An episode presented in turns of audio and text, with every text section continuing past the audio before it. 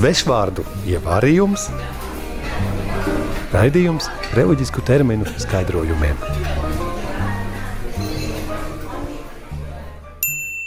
Šodienas burts ir Burts A. Askēze. Askēze ir sistemātiska, ilglaicīga darbība, kuras mērķis ir kādas garīgas vai morālas īpašības veidošana, lai cilvēks garīgi pilnveidotos un tuvotos dievam. Un tagad neliela iedziļināšanās. Pirmais katlā jāmet termins svešvārds - askēze kur definīcija jau tikko jums tika pasniegta. Šis termins radies no grieķu valodas vārda askēzis un nozīmē vingrinājums, praktizēšana. Tas ir kopīgs gan visām kristīgajām konfesijām, tradīcijām, gan visām reliģijām. Askēze ir ļoti sena prakse. Tā ir saistīta ar labprātīgu pašdisciplīnas aktivitāti, augstāka mērķa sasniegšanai.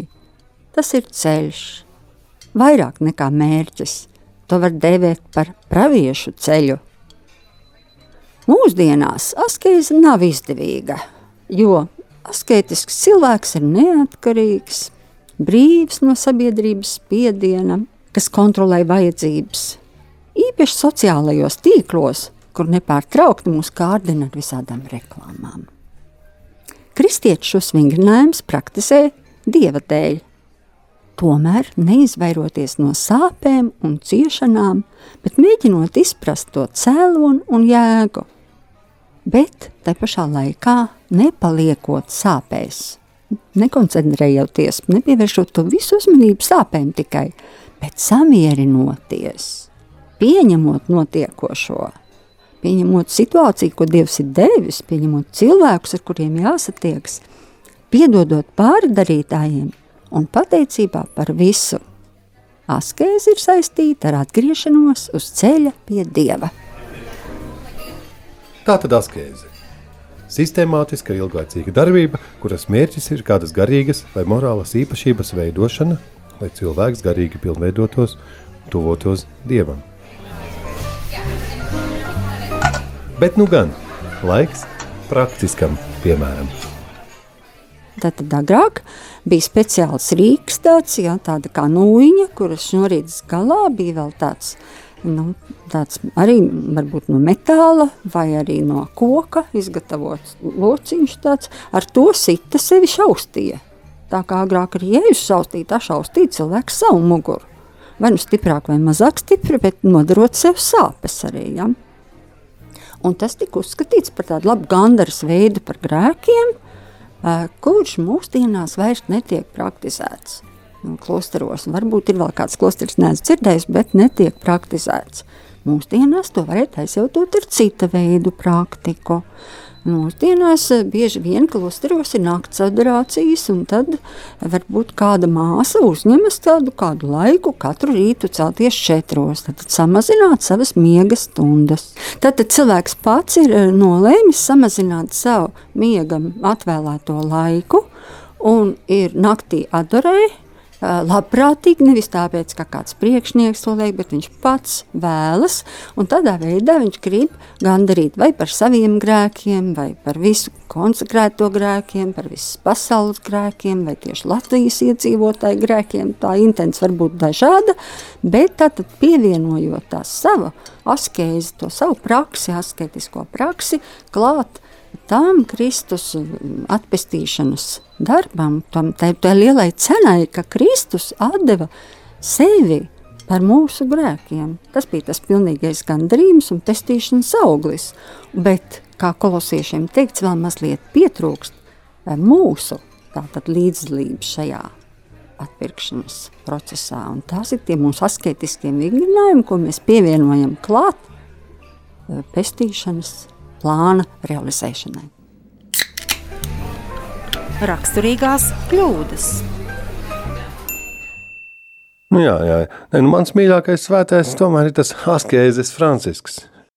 Jā, es vienreiz tajā askēzē, starp citu, biju. Tur ir interesanta autosporta trase, ļoti skaista pilsēta. Askēze, forša pilsēta. Jā. Iesaku visiem, kādreiz, ja būsiet Portugālē, aizbrauciet. Svešvārdu ievārījums, raidījums reliģisku terminu skaidrojumiem. Burts ir Burts A. Atgriešanās, ko svešvārdā sauc metanoja. Šis termins radies no grieķu vārda un tiek definēts arī šādi - atgriešanās kā prāta un dzīves virziena izmaiņa, grēku nožēla. Un tagad izskaidrojiet saviem vārdiem. No kristīgā viedokļa patiesa atgriešanās sākas ar sevis iepazīšanu un savu grēku nosaukšanu vārdos. Jo tāpat kā mēs kādreiz eh, mums seko kāds nikns suns, un viņš grib mums uzbrukt, mēs viņu nosaucam vārdā, viņš nomierinās. Tāpat varētu teikt, ka ir ar mūsu grēkiem. Tad, kad mēs viņus saredzam, nosaucam, tikai tad var būt patiesa nožēla, un tikai tad var būt patiesa nob, eh, arī tāda piedošana. Mēs visu laiku tiekam kārdināti pievērt acis, lai izvairītos no sāpīgas skatiena uz sevi. Mēs negribam redzēt savas ēnas puses. Negribam redzēt, ka esam pakrituši. Mēs it kā gribam veicināt dažādas ilūzijas, ka es jau esmu labs un tā, un es jau kārtīgi, es jau lūdzos un eju baznīcā, un viss ir labi ar mani. Bet mūsos ir tāda garīga telpa, tāda kaut kas tāds, ko grūti izteikt vārdos, kuru nevar apmānīt. Tajā Jēzus runā uz mums, un viņš aicina mūs atgriezties. Jo citādi mēs staigāsim, kā 23. psalmā, 4. pantā, mēs staigāsim kā tumšā ielā. Mūsu acis būs aizmiglotas, un mēs neredzam patiesību, neskatāmies tajā acīs. Un pazīstam Dievu tikai tik daudz, cik lielā mērā mūsos pieaug sevis iepazīšana, grēka apziņa, saredzot savu iekšējo nesakārtotību. Tā tad atgriešanās. Garīgās dzīves sākums, dieva žēlastības piedzīvošana, ko pavada grēku nožēla un radikāla dzīvesveida maiņa. Prasītos piemērs no prakses. Nu, praktiski, ko tad darīt, lai veicinātu atgriešanos? Ignācijas Lojola, Jēzus tēvs, Jēzus garīguma dibinātājs, savā grāmatā garīgie vingrinājumi ieteicis ir grēka iepazīšanai izmantot iztēli. Un iztēlēt spēcīgus tēlus, vai no Bībeles, vai kādus citus tādus tik spēcīgus tēlus, lai izjustu nepatiku pret grēku. Piemēram, iztēloties savu miesu kā pūznojošu augoni, un atceroties to, ko esam bijuši, darījuši kādu grēku, piemēram, bijuši aizvainojušies, pilni ambīcijām, nespēja kaut ko piedot kādam un tam līdzīgi. Pats cilvēks jau nespēja gandrīt par grēkiem. Žēlastība ir jāizlūdz. Un tad sākas tā cīņa, praktiskā cīņa, kad sākam cīnīties. Es varu vienu tādu ļoti smieklīgu notikumu pastāstīt no svētā Asīs Franciska dzīves. Viņam bija liels simpātijas pret uh, Svēto Klāru, un vienreiz viņam uznāca kārdinājums. Un viņš gribēja, protams, eh, paskatīties uz pretējo dzimumu. Viņš izgāja ārā, bija sasniedzis sniegs, viņš uztaisīja no sniega sievieti un teica, tā, Franciska, ir tava sieva. Un kad kādreiz arī Klāra viņam teica kaut ko, tad viņš teica, Klāra, ja tu būtu mana sieva, tad es būtu bagāts vīrs, bet es izvēlos nabadzību, tātad askēzi. Tikai caur cīņu ar savu grēku kristietis kļūst spējīgs patiesi mīlēt Dievu un līdzcilvēkus. Lai arī protestantu draugu locekļi bieži par atgriešanos sauc savas dzīves atdošanu Jēzum un var nosaukt konkrētu datumu, kurā viņi ir atgriezušies. Šajā gadījumā mēs vārdu atgriešanās izskatām plašākā nozīmē.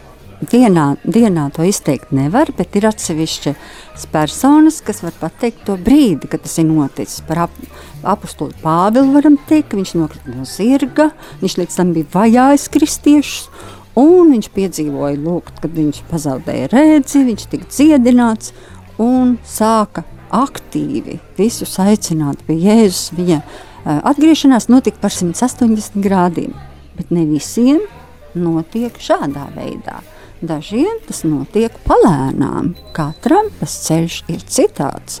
Un arī Svētajam Franciskam bija brīdis, kad viņš arī atdeva visus savus drānus tēvam, un, un viņš pilnīgi kails aizgāja klosterī, lai viņam nekas no tēva mājām nenāktu līdzi pilnīgā nepacībā un askēzē.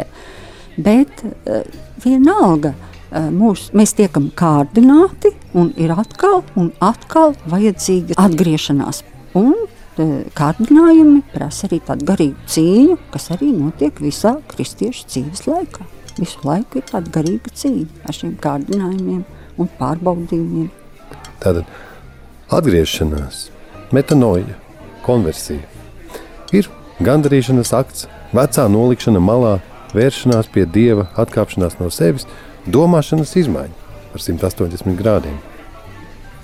Bet mūsu, mūsu redzējuma izpratnē Šo atgriešanos nevar piedzīvot vienā sekundē vai vienā konkrētā datumā, bet tas ir kristīgās dzīves līdzējošs, nepārtraukts process.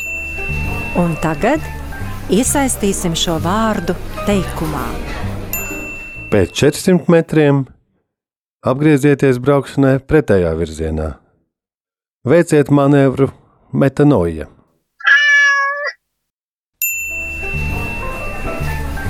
Svešvārdu ievārījums, raidījums reliģisku terminu skaidrojumiem.